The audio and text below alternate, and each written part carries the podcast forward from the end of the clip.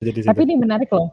Gue tuh recently banget ya, sumpah. Jadi si manajer gue tuh baru ngomong, eh manajer gue, tech lead gue baru ngomong sama gue.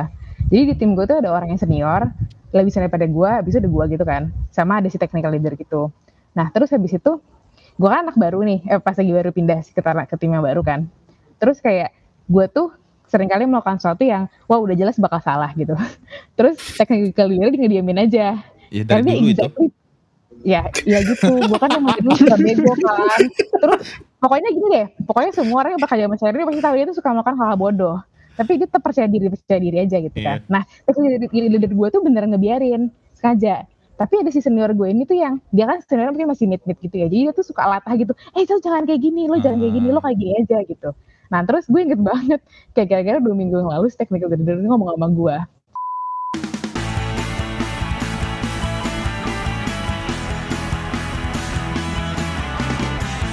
Zul, Yo. gimana Zul? Lu kan biasanya punya komplain nih.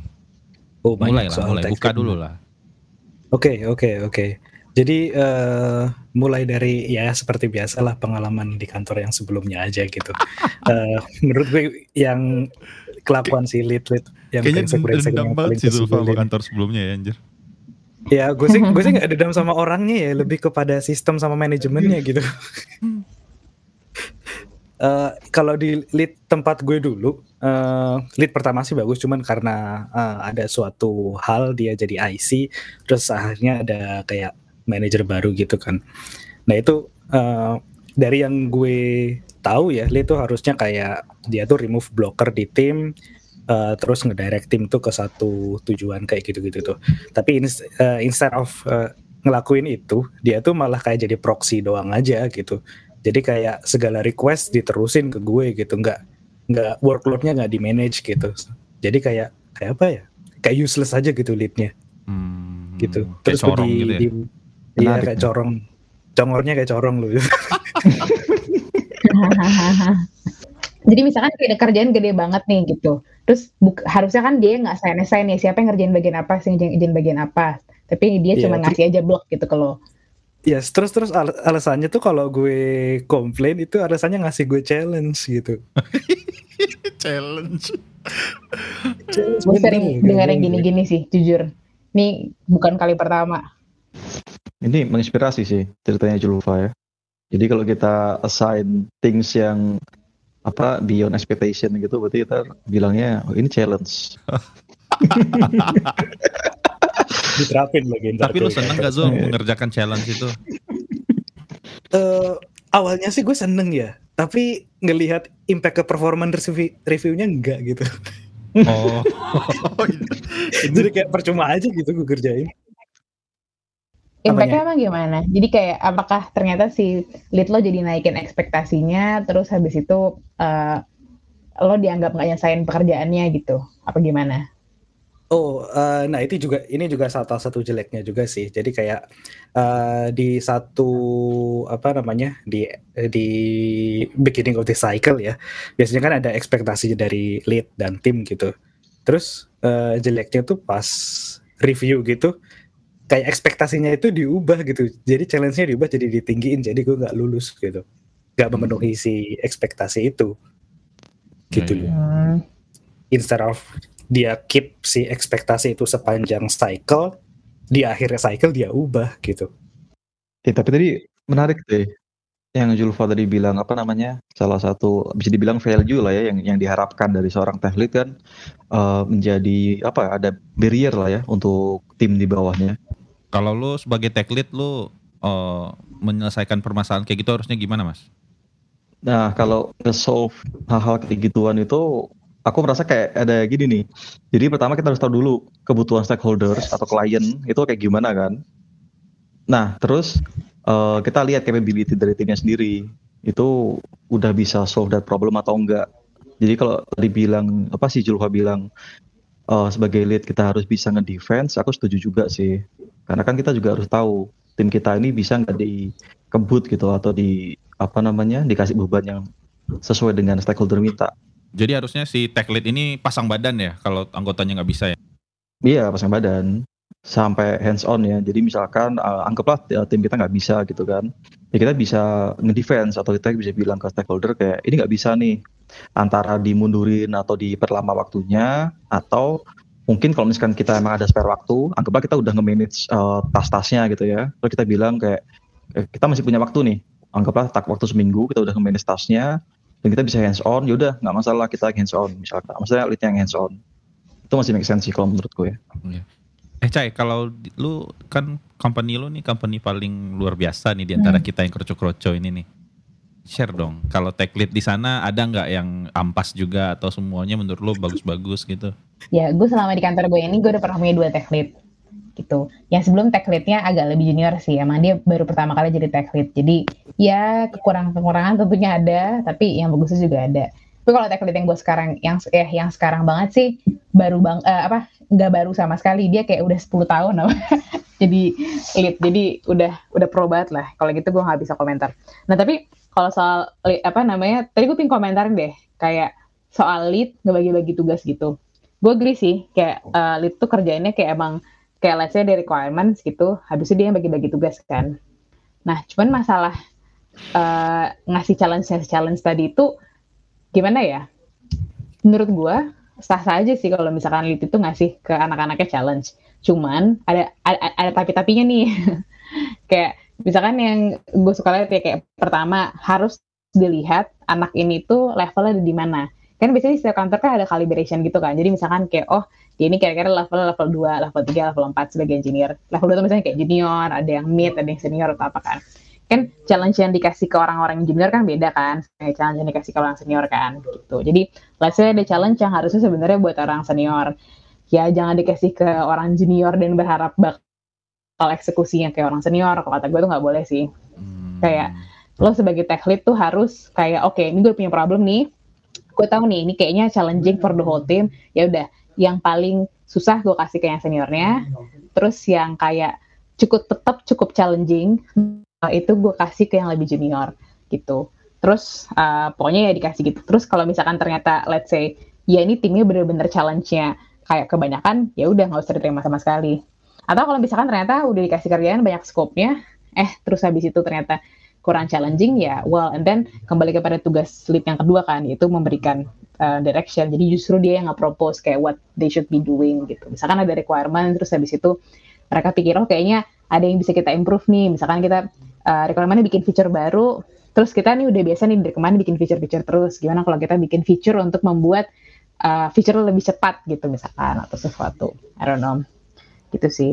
Sama pokoknya kalau misalkan udah dibagi tugas kayak gitu uh, ekspektasinya mesti fair juga gitu. Let's say misalkan nih kayak udah ngasih uh, pekerjaan yang susah ke orang yang um, istilahnya levelnya masih di situ gitu.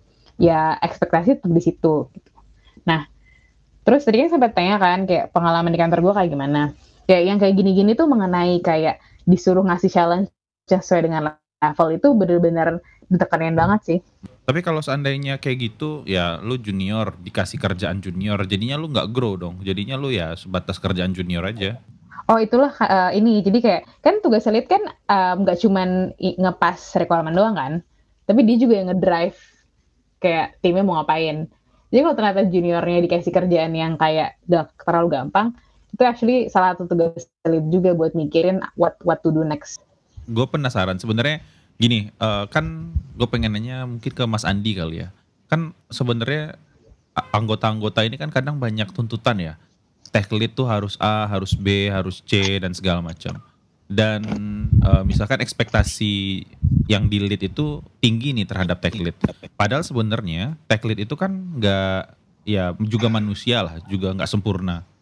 Nah, gue penasaran sih, kalau perspektif lo sebagai tech lead, lo kalau seandainya ada yang bilang, lu gimana sih, lu harusnya tech lead gini gini gini, terus habis itu eh, lu kok nggak gini, lu kok nggak melakukan hal yang seperti ini yang harusnya dilakukan tech lead. Nah, perspektif lo kayak gimana sih kalau dikomplain kayak gitu? Oke, itu sih sebenarnya balik lagi ke ini ya, karena kita udah menyandang lead itu kan punya tanggung jawab.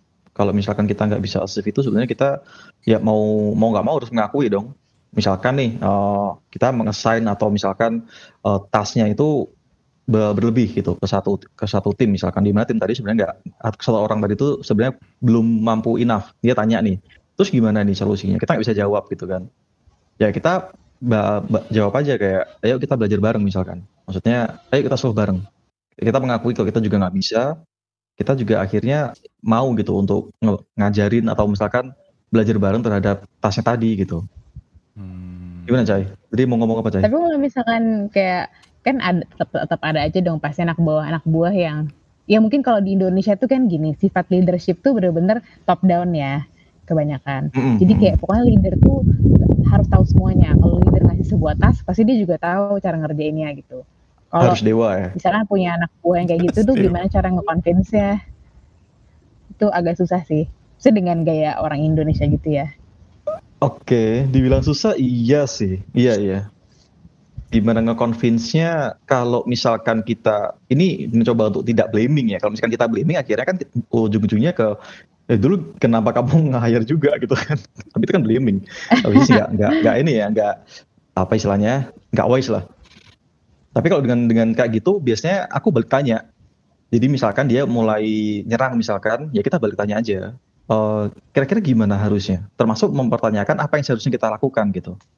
Jadi kan misalkan dia punya ekspektasi nih, misalkan anggaplah ke timku, misalkan aku sebagai leadnya gitu ya. Terus dia mulai nyerang nih, kamu harusnya gini-gini gitu, kamu tuh maksudnya aku gitu ya. Aku bakal balik tanya Hmm. gitu, "Eh, oke kalau gitu ekspektasinya gimana? Apa yang seharusnya aku lakukan juga gitu. Atau misalkan Hmm. dia sebenarnya punya ekspektasi kan, tapi eh, kebiasaan orang Indonesia juga kan sulit untuk mengungkapkan. Ya kita pancing untuk dia mengungkapkan gitu. Dan biasanya dengan kita bertanya itu dia akhirnya mau ngomongin gitu. Mas lo harusnya gini. Nah ternyata di saat dia kepancing gitu biasanya solusi muncul. Hmm, Susah ya jadi tech lead ya. Gue menarik sebenarnya kalau ngelihat eh, tech lead nih kayak gimana ya? Eh, ekspektasi orang tuh tinggi dan yang di manage karena nge-manage orang jadinya dia emang harus ini banget, eh, harus sabar banget. Kalau gue sih ngelihatnya tech lead tuh harus sabar ya. Hmm. Terus gue tadi penasaran deh, kayak gini juga ya. Jadi memang kan, misalkan kayak tadi di case case yang mana si tech leadnya itu kayak kurang fair gitu. Dia berbuat hal yang istilahnya anak buahnya kurang suka gitu. Terus kayak kita tuh sebagai anak buah tuh sebaiknya langsung ngomong aja apa gimana? Karena kadang-kadang tuh suka kalau kita langsung ngomong aja terus kayak tech lead kita takut ya kayak tech leadnya ikutan baper terus malah kita jadi dikasih project yang busuk lah atau ya disingkir-singkirin dari tim lah kebayang gak sih Oh, pakai Iya. cara gue, Cai. Lu simpen, lu kasih feedback ke dia, abis itu lu resign kayak gue. gue kan gitu caranya. Gue simpen tuh, gue sampein, terus gue sodorin. ya maksudnya kalau sampai kondisi kondisi seperti ini terjadi kan berarti ya toxic aja ya keluar aja Emang si Iya. Zulfa ini toxic emang. Gue gue Iya, tapi- dari lingkungan yang lebih toksik lagi gitu. Tadi make sense sih, kalau kita sampai takut berarti toxic. Itu berarti kan yang kita bisa bilang sistemnya ada something wrong kan. Ya, tadi jadi kalau misalkan kita nggak bisa nyentuh sistemnya, berarti bener sih. Mungkin solusinya Julfa mau nggak mau ya, mau nggak mau ya udah eh, harus kita lakukan kan. Gimana lagi? Udah di luar sistem gitu. Lu sebagai tech lead pernah berada di posisi seperti itu nggak? Kalau bilang pernah pernah lah pasti. Terus apa yang lo lakukan? Ya, sama lah kayak Julfa juga. Oh resign juga ya? Bisa lah. Sebenarnya udah udah ada beberapa langkah lah yang gue usahakan biar apa ya, eh, biar yang kayak gitu tuh ter- tetap gue bisa toleransi lah. Tapi ternyata setelah setahun, setelah kurang lebih setahun lah gue berusaha ngubah itu. Ternyata gue nggak cukup powerful. Hmm, eh tapi Zul kalau kata kalau kata manajer gue yang sekarang nih dia pernah kan gue habis pindah tim kan terus jadi sebenarnya gue tuh pindah tim tuh ada faktor pull ada faktor pushnya. Eh, gue emang ada pull juga gue beneran tertarik sama tim barunya. Tapi to, to, to be honest ada hal-hal yang nge-push gue tim yang lama kan. Tapi hal-hal tersebut itu kayak hal yang kalau kata gue tuh sebenarnya bisa di fix tapi gue capek aja. Ya gue excuse-nya kayak pikir anjir covid tuh capek males lah gue mikirin urusan hidup gitu kan. Terus manajer gue ngomong kayak gini sama gue ya walaupun ada sesuatu yang bisa lo fix kemarin tapi lo merasa nggak seneng dengan itu kan? Ya lo pergi itu ya udah itu sah sah aja kalau pergi karena alasan itu kayak mau lo bilang lo malas atau enggak tapi lo tetap merasa nggak nyaman anyway kan jadi ya udah pergi aja santai terus udah manajer gue santai aja bilang gitu jadi yang lo kerjakan even let's say masih ada hal yang bisa lo kerjakan lagi ya Zul tuh valid-valid aja lo pindah Zul sumpah hmm. daripada lo duduk diam terus kayak ngedum-ngedum kayak gue gitu Gue kok ngerasa podcast ini jadi kayak tempat memprovokasi orang ya untuk cabut ya. Iya tapi uh, aku ada ini. Next ada topik kita tuh, juga nih. Jadi oke lah kemarin aku sempat ya istilahnya sempat apa cabut gitu istilahnya ya di saat aku merasa itu tidak tidak di apa tidak bisa aku kontrol gitu kan. Cuman setelah sekarang aku punya uh, experience yang lebih gitu merasa kayak uh, sebenarnya waktu itu gara-gara ya emang experience kita kurang aja, experience kurang aja.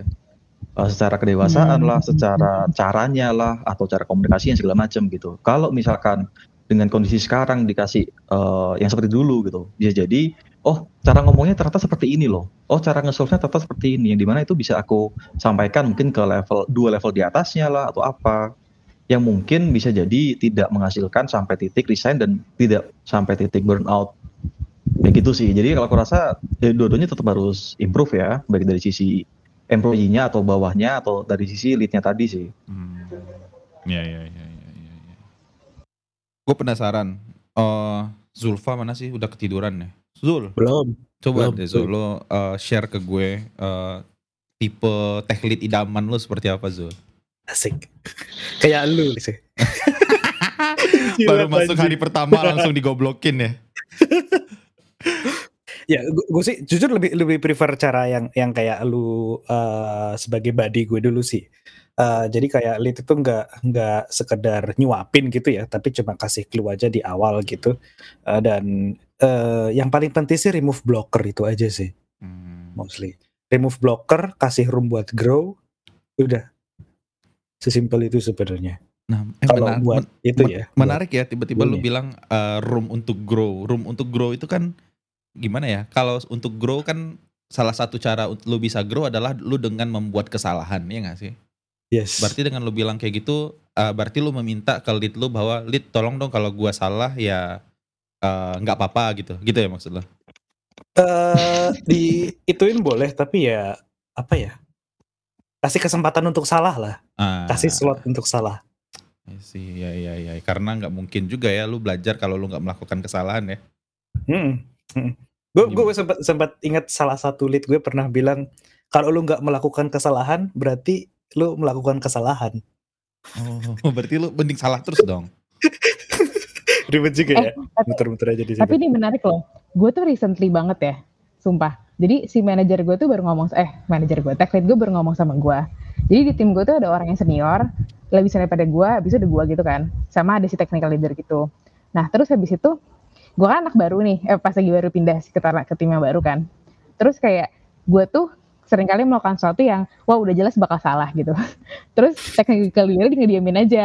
Ya dari Karena dulu itu. exactly ya ya gitu. Gue kan emang dulu suka bego kan. Terus pokoknya gini deh. Pokoknya semua orang yang bekerja sama Sherry pasti tahu dia tuh suka melakukan hal-hal bodoh. Tapi dia tetap percaya diri percaya diri aja gitu kan. Nah terus leader, gue tuh beneran ngebiarin sengaja.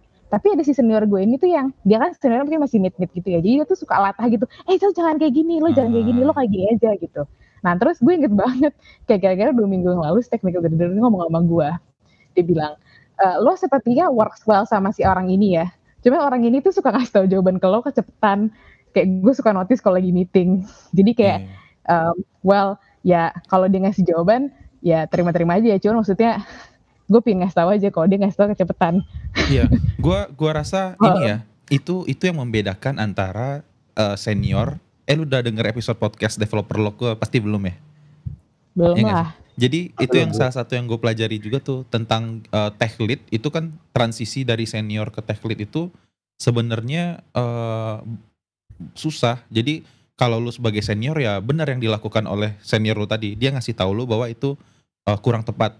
Nah, ketika dia udah pindah role ke tech lead, harusnya dia nggak melakukan itu. Yang benar itu adalah dia tuh memberikan lu room untuk improvement, kayak dibilang Zulfa tadi dengan punya kesempatan untuk salah. Makanya senior dari IC ke tech lead ketika pindah itu banyak men- menghadapi permasalahan. Karena misalkan biasanya eh, lu nganggap eh gue bisa lo ngerjain ini. Tapi pas lo jadi tech lead anjir ini orang lama banget ngerjainnya. Kalau gua ngerjain mungkin sejam selesai kayak gitu loh. Padahal sebenarnya tech lead tuh kalau gua rasa menurut gua dia emang harus itu ya udah biarin aja. Makanya tech lead lu tuh dibiarin aja kan tapi senior lu malah ya gitulah Iya, dia, dia kayak panik ya, anjir nih anak mau ngerusak sistem gue. Ah, Karena iya, gue iya, ngerti. Anjir beneran ya ternyata ya. Gue baca itu juga tuh di artikel yang tadi sempat gue mention dan ternyata emang bener juga. Jadi tipe idaman lu seperti apa? Gue kayaknya yang yang ngasih gue room to grow itu gue appreciate banget juga sih tapi gue tuh selalu pingin dikasih tahu gitu loh kayak ketika misalkan dia secara sengaja memberikan gue room to grow gue pingin dia ngasih tahu ke gue jadi ngomong kayak gini kayak gue kayak sorry ya gue sengaja gak ngasih tahu lo sekarang supaya lo bisa gini gitu. Gue tuh pingin dikasih tahu nggak yang kayak dia diamin aja tapi kayak punya maksud terselubung gitu. Gue Oh, agak kurang bisa tuh kalau kerja sama orang yang maksud-maksud tuh terselubung. Kayak gue tuh pinginnya semua tuh kasih tahu gitu kenapa lo ngerjain ini kenapa lo ngomong gitu. Gitu sih kayak mungkin clear communication gitu. Jadi atau kan misalkan kayak dia ngasih kerjaan gue yang susah gitu. Dia harus ngasih tahu ke gue kayak ini lo gue ngasih kerjaan lo yang yang lebih susah. Lo tuh harusnya level di sini tapi gue ngerjain ini. Terus kasih tahu kenapa apakah itu karena emang tim yang gak sanggup ngerjainnya atau karena emang dia pikir gue mau grow. Kayak gak suka lah gue yang bullshit bullshit bilang kayak ya lo gue kasih challenge ya. Padahal tuh sebenarnya cuma simply karena timnya nggak sanggup aja bukan gara-gara udah about time for me. Terus Atau gue karena kayak dia nggak tahu ya.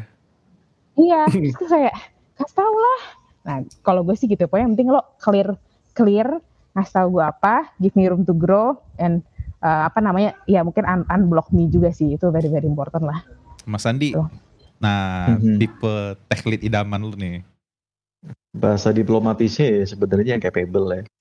Capable. Karena capability itu kan di ya. breakdownnya kan ba- banyak tuh dari Iya. sisi teknisnya juga, dari sisi komunikasinya juga kayak gitu sih. Cuman kalau menurutku eh, semakin ke sini semakin merasa kayak non teknis justru penting juga gitu ya. Karena aku sendiri juga ya sama lah kita juga aku juga engineer gitu kan. Aku merasa dulu teknis penting banget gitu.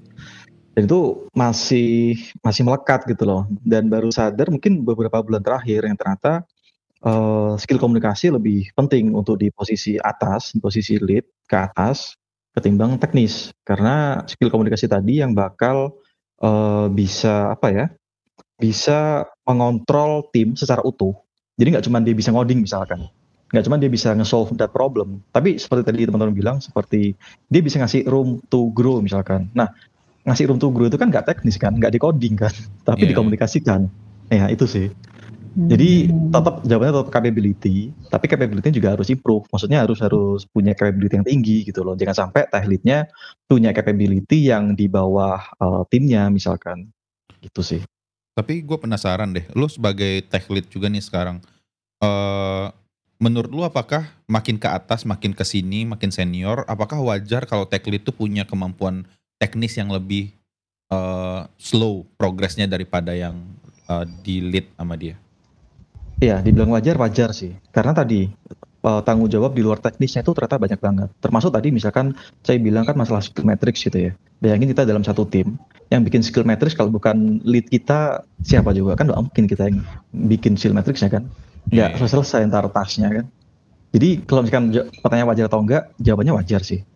Hmm, ya, ya, ya, ya. Berarti di situ juga ya orang-orang tuh harus nge apa ya menghor- menghargai lah ya eh, respect tetap keep respect walaupun karena kan kayak yang tadi gue bilang kayak engineer baru lagi membara membaranya belajar macam-macam eh gue nggak ngerti ini tapi tech lead gue nggak paham nih ngomongin kita ngomongin ini dia nggak paham. Nah lu nggak bisa ngomong kayak gitu juga kan sebenarnya karena fokusnya udah berbeda juga. Dia mungkin punya tanggung jawab yang lain ya lu lah sebagai yang muda-muda punya tanggung jawab teknis yang mungkin lebih besar gitu kali ya maksudnya ya. Betul. Eh, BTW aku mau nanggapin itu tuh. Jadi kalau menurutku pribadi nih tapi ya ini benar-benar opini opinionated sih. Jadi Ya. kayak kenapa sih konflik itu terjadi di mana engineer-nya merasa tekniknya kayak semacam lu nggak jago nih. Iya. Kasarnya gitu kan. Iya. Nah, itu juga sebenarnya bisa muncul karena lead-nya sendiri juga. Kenapa itu muncul? Karena lead-nya sendiri juga mungkin sering memaksakan sesuatu hal yang dia memang nggak jago itu ke bawahnya. Oh. Jadi kayak misalkan nih kita teknis gitu ya, kita ngoding pakai atau misalkan kita deploy something simple banget yang di mana misalkan pakai cloud function, nah misalkan nih ya, Iya. terus tiba-tiba dia ngotot nih, dia ngotot, ini kita harus ini harus pakai Kubernetes, harus distributed, bla bla bla bla bla bla gitu. ya. Di mana dia ngerti ternyata itu cuma jargon, dia nggak ngerti implementasinya, tapi dia ngotot itu Oh. untuk di bawahnya, itu pasti bentrok. Jadi tech lead ini susah ya. Lu diserang dari atas sama business requirement, terus lu diserang dari bawah juga sama kroco-kroco ya nggak sih? Iya, pasti susah lah, Re, orang emang posisinya udah di atas kan itu Iya sih. Iya kan, great power comes great responsibility. Lu pas jadi CTO ngerasain itu enggak? Diserang dari gue atas udah bawah? paling atas anjir siapa yang mau nekan gue. Asik ya. Mantap sih Yure ini. Investor. Gak, gak ada belum ada lu. investor waktu itu, masih angel, angelnya juga kagak paham. Ya lu Bukan, cabut ya, kayak bosan aja gitu di Anjir, atas. saat kau bahas Mobil itu sih gabut. anjir. Kalau gue punya pertanyaan sih, kalau seandainya nih, eh, Mas Andi kan udah jadi tech lead, Zulfa sama Cai lah. Eh, kalau seandainya kalian diminta untuk jadi tech lead, kalian merasa kalian udah sanggup belum sih? Enggak lah. Wah, mampus kelar hidup gua. Enggak lah. lah anjir. Enggak lah. Kenapa? Terus kapan lu bisa sanggup, anjir? Eh, wah pertanyaan sulit tuh. Kapan bisa sanggup? Iya. Mungkin kalau gue udah bisa memenuhi yang gue bilang ekspektasi gue ke lead tadi ya. Mungkin ya itu sebenarnya kayak bisa dilatih gitu kayak lo eh, apa namanya? eh jadi buddy buat anak baru gitu, anak baru. Apa sih namanya? New joiner kayak gitu-gitu tuh. Sebenarnya itu bisa jadi Hmm. sarana latihan juga. Jadi Hmm. sampai gue bisa kayak seamlessly ngonboard orang dan make sure dia bisa grow. eh gue belum bisa bilang gue siap jadi lead. Kalau Cai gimana Cai? Pertama gue merasa gak siap sih. Cuman ya gitu kayak kapan lo siapnya gitu ya. Iya. Eh, tapi gue suka nih jawaban Zulfa tadi kayak eh, lo cobain dulu kayak tanda petik menjadi lead dalam konteks yang lebih kecil itu mentoring sebagai buddy gitu. Gue em, kan eh, ya pas gue pindah ke tim ini kan istilahnya gue kayak tim gue kan cukup senior gitu kan. Jadi kayaknya kalau gue mau jadi technical leader kayaknya nggak akan terjadi sampai beberapa tahun lah. Oke. Terus tapi eh, si manajer gue bilang bilang gitu kayak kamu coba deh mulai experience kecil-kecil aja leading karena kamu tahu kan yang berapa years kamu pingin gitu. Terus um, ya udah akhirnya kemarin gue sempet kayak anak-anak baru gitu kayak gue udah nge apa namanya mungkin nge-mentorin kayak kemarin ada satu tim gitu. Jadi kayak ada 10 anak gitu bisa kayak gue mentorin selama dua minggu. Kayak cuman gue kenalin doang kayak iya teknologi di kantor kayak gini. Terus kayak ya gini caranya lo bisa grow sebagai software engineer eh, pada level lo inilah ekspektasinya gitu-gitu. Kayak ini gue baru pertama kali experience ya dan gue udah nyadar banget kayak anjir kalau gue jadi lead beneran mati gue. Banyak yang nggak ngerti. Tapi kayak gue sih bakal latihan terus ya experience ini. Gue bakal ngerjain ini sampai that moment where kayak gue bisa jawab 80% or 80% masalah tuh gue tahu gimana how to solve. Once that happens gue mungkin udah siap sih. Nah, Mas Andi nih, mumpung yang paling senior, eh, apa saran lo untuk kita kita supaya kita bisa lebih siap kalau kita mau mengemban amanah sebagai tech lead, Mas? itu Bahasa itu. simply lihat ininya sih Re. lihat impactnya ya jadi kayak kan tadi jawabanmu Re, ya misalkan uh, males nih ngurusin orang gitu ya kalau misalkan seperti itu aku pun juga sama Iya. ya kita sebagai engineer males banget gitu kan enak ngoding gitu ngurusin komputer juga dia nggak bacot kan Gak kayak beneran. Zulfa ya, anjir. Cuman kalau misalkan aku ke a- contoh lah misalkan aku di komunitas gitu kan. Kenapa sih kok sampai mau ngurusin teman-teman segala macam kayak gitu lebih kepada eh, lihat impactnya. Jadi kayak mungkin impactnya bakalan lebih banyak atau ini ada ada aku sempat baca nih ya. Jadi bukunya aku aku lupa Oxford apa gitu. Dia tuh bilang kalau di Indonesia ini emang yang kurang banget itu sebenarnya leader. Tapi Hmm. kondisi the- konteks leadernya itu bukan cuma orang yang nge-manage karena konteks leader yang aku pelajarin di Indonesia, maksudnya yang yang ada di realita Indonesia sama yang di kita baca-baca di luar segala macam itu totally different. Di mana misalkan di luar itu benar-benar capability-nya udah proven dulu di bawah, baru dia naik gitu kan. Di Role Indonesia model di, ya? di ya role model. Nah sedangkan di lingkungan kami di, di Indonesia sini, ini kita sebut kami karena kan saya udah nggak di Indonesia nih ya. itu masih banyak yang dalam tanda kutip karbitan gitu loh, Re. Oh. Dan itu yang sebenarnya di problem kan. Jadi kayak dia sebenarnya belum capable enough untuk diposisikan di posisi yang tinggi. Tapi dia udah menjabat di posisi yang tinggi. Jadi tadi sering bentrok. Karena dari sisi kedewasaan sendiri juga dia belum bisa nge-manage timnya, dia belum bisa ngarahin, belum bisa ngasih room to grow. Bahkan mungkin dia sendiri juga belum tahu gimana caranya nge-grow dirinya sendiri. Jadi problem kan. Nah, tapi again kalau kita bicara eh, kebutuhan lah atau kita bicara impact, aku ya- masih yakin Indonesia masih butuh banyak leadership sih. Termasuk ya ya teman-teman lah, misalnya semua semua teman-teman kita itu kalau bisa ya ntar eh, jadi lead semua gitu karena ya butuh, kita emang butuh. Ya, tapi solusinya apa ya? Soalnya gue juga dari dulu sering banget ngegosipin ini nih. Kayak Mhm. sorry sorry ya, gue kan punya teman akrab nih dulu. Terus kayak si technical leader dia nih, itu tuh bener-bener karbitan banget asli. Kayak kar- kayak leadernya sebelumnya tiba-tiba cabut, terus dia harus naik. padahal kayak dia mungkin di company juga baru satu setengah tahunan gitu terus kayak pas lagi jadi lead tuh kacau banget kayak timnya itu tuh ratingnya jelek banget lah pokoknya terus gue kayak yang lah ini karbitan banget gila gitu cuman kalau dipikir-pikir ya mungkin harus dia juga ya bahwa dia mengambil kesempatan gitu Ya, kayak dia step in solusinya ya. apa nih? Gitu. Apakah Oke. kalau misalkan ada kekosongan seperti ini kayak manajemen harus step in kayak somehow you know mengidentify orang yang lebih senior untuk masuk walaupun dari tim lain atau em, ya udah kayak orang-orang terpaksa menjadi leadershipnya dengan cara-cara seperti ini kayak apa sih solusinya? Gitu. Gue penasaran sih. Kalau kalau bicara solusi ini sedikit experience juga ya sebenarnya kalau misalkan ditanya ada atau enggak aku belum punya juga karena kan aku belum apa posisi belum setinggi apalah. Cuman dari tadi itu kita bisa lihat problemnya dulu. Pertama kan kenapa kok bisa sampai ada yang dikarbit, ya kan? Hmm, Karena iya. kalau misalkan kenapa kok dia bisa sampai atau ada posisi yang sampai butuh dikarbit, itu kan karena emang ada kekosongan di situ kan. Nah, kenapa kok kekosongan ini terjadi? Nah, ini aku bukannya nge-blame kamu ya, Ray, ya. Maksudnya Hmm. uh, I really appreciate uh, your decision. Cuman karena banyak engineers yang nggak mau dinaikin, banyak engineers yang tidak mau take responsibility itu, yang akhirnya ya itu yang terjadi kan. Iya iya iya ya. betul betul. Kalau kita betul. balikin ke diri kita sendiri kayak ya sebenarnya kita nggak bisa nyalahin sistemnya juga karena nggak ada orangnya gimana lagi ya kayak di- yang diangkat ya yang mau dong. gue mikir gimana kalau misalkan ya let's say dari kantor tuh kayak ada program buat ngedidik yang apa yang leader ah, gimana ya gue pengen bilang yang leader sih tapi kayak well leader yang masih junior gitu. Jadi kayak anak-anak junior tuh kayak pelan-pelan di train gitu loh kayak here's how you manage responsibility in a smaller sense. Here's how you be, how you become a leader by mentoring those small stuff karena di kantor gue nih buat orang-orang kayak gue nih yang udah jelas-jelas nggak punya kesempatannya buat ngelit ya dikasih Mhm. project-project kecil kayak gitu. Jadi kayak gue disuruh nge mentor orang-orang jadi ya gue tahu how to deal with people terus uh, gue dikasih kesempatan buat actually nge-mentor. Terus kayak setiap kali gue dikasih project gue dikasih kesempatan buat you know nge-scope my own thing. Jadi kayak gue kan sekarang di middle nih posisi positionnya gue udah udah nge-plan gitu kayak when I want to do something what. Kayak gue berpikir kayaknya harusnya yang bisa dikerjain sama sistem deh.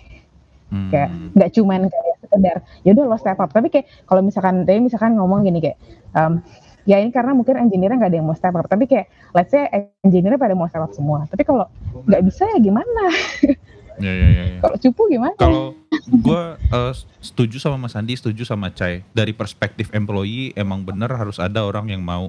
Tapi perspektif lain adalah yang Cai bilang harus ada program training. Tapi kalau menurut gue eh, isunya kalau di Indonesia tuh beda. Perusahaan lu kan udah perusahaan orang kaya, Cai. Ya nggak sih? Duitnya kan banyak. Iya sih Masalahnya kalau lu di startup tinggal lu nggak buang-buang. akan bisa mengalokasikan duit lu tuh untuk melakukan training-training kayak gitu. Karena ketika lu melakukan training, lu keluar duit untuk training dan lu kehilangan uh, waktu dari engineer lu yang ikutan training ya nggak sih? Nah, Oh, gue sebenarnya nggak ada training yang eksplisit banget sih, tapi kayak waktu sih, waktu sih. Gue Iya. nge-mentorin orang tuh kemakan waktu gue. jadi kalau gue ngelihatnya solusi yang lebih masuk akal itu untuk startup paling nggak lu harus mem- mempercepat hiring karena ya kalau seandainya lu ngekarbit orang salah ya lu dan lu harus punya cara lain yaitu dengan cara mempercepat proses hiring. Jadi kayak ya lu carilah tech lead atau lu bajak itu tech lead dari mana dan itu orang yang harusnya mengisi posisi itu. Kalau menurut kayak gitu. Oh, maksudnya bajak tech lead dari perusahaan yang punya sistem buat nge-grow gitu ya. Karena kan let's say lo mau ngebajak-bajak tech lead dari luar aja nih. Tapi Iya. kalau nggak pernah ada company yang nge-growin kan, ya shit juga. Iya betul betul. Pokoknya intinya lu hiring aja udah. Kalau lu eh, butuh cepet, tapi orang yang nggak ada yang mau naik dan lu nggak mau buang-buang waktu untuk ngetrain eh, engineer lu ya itu solusi paling sesimpel sih menurut gua. Eh si Zulfa mana sih? Udah tidur ya? Kayak anggota DPR beneran anjir. Gue asik nyimak aja gitu. Pas lagi dekat lo masukin ini suara ngorok lupa. Tadi gue pengen eh, tertarik yang masalah yang dibilang Mas Andi tadi tuh. Yang banyak karbitan yang ada di atas kayaknya itu bukan cuma masalah di tech lead atau apa deh, tapi kayak leadership in general aja. Gue lu udah lihat banyak yang karbitan ada di atas terus. Eh, nggak usah diterusin. Ntar nggak layak tayang. itu kalau orang baru bangun tidur tuh biasanya ngomongnya kayak gitu. Sulit, sulit, sulit, sulit.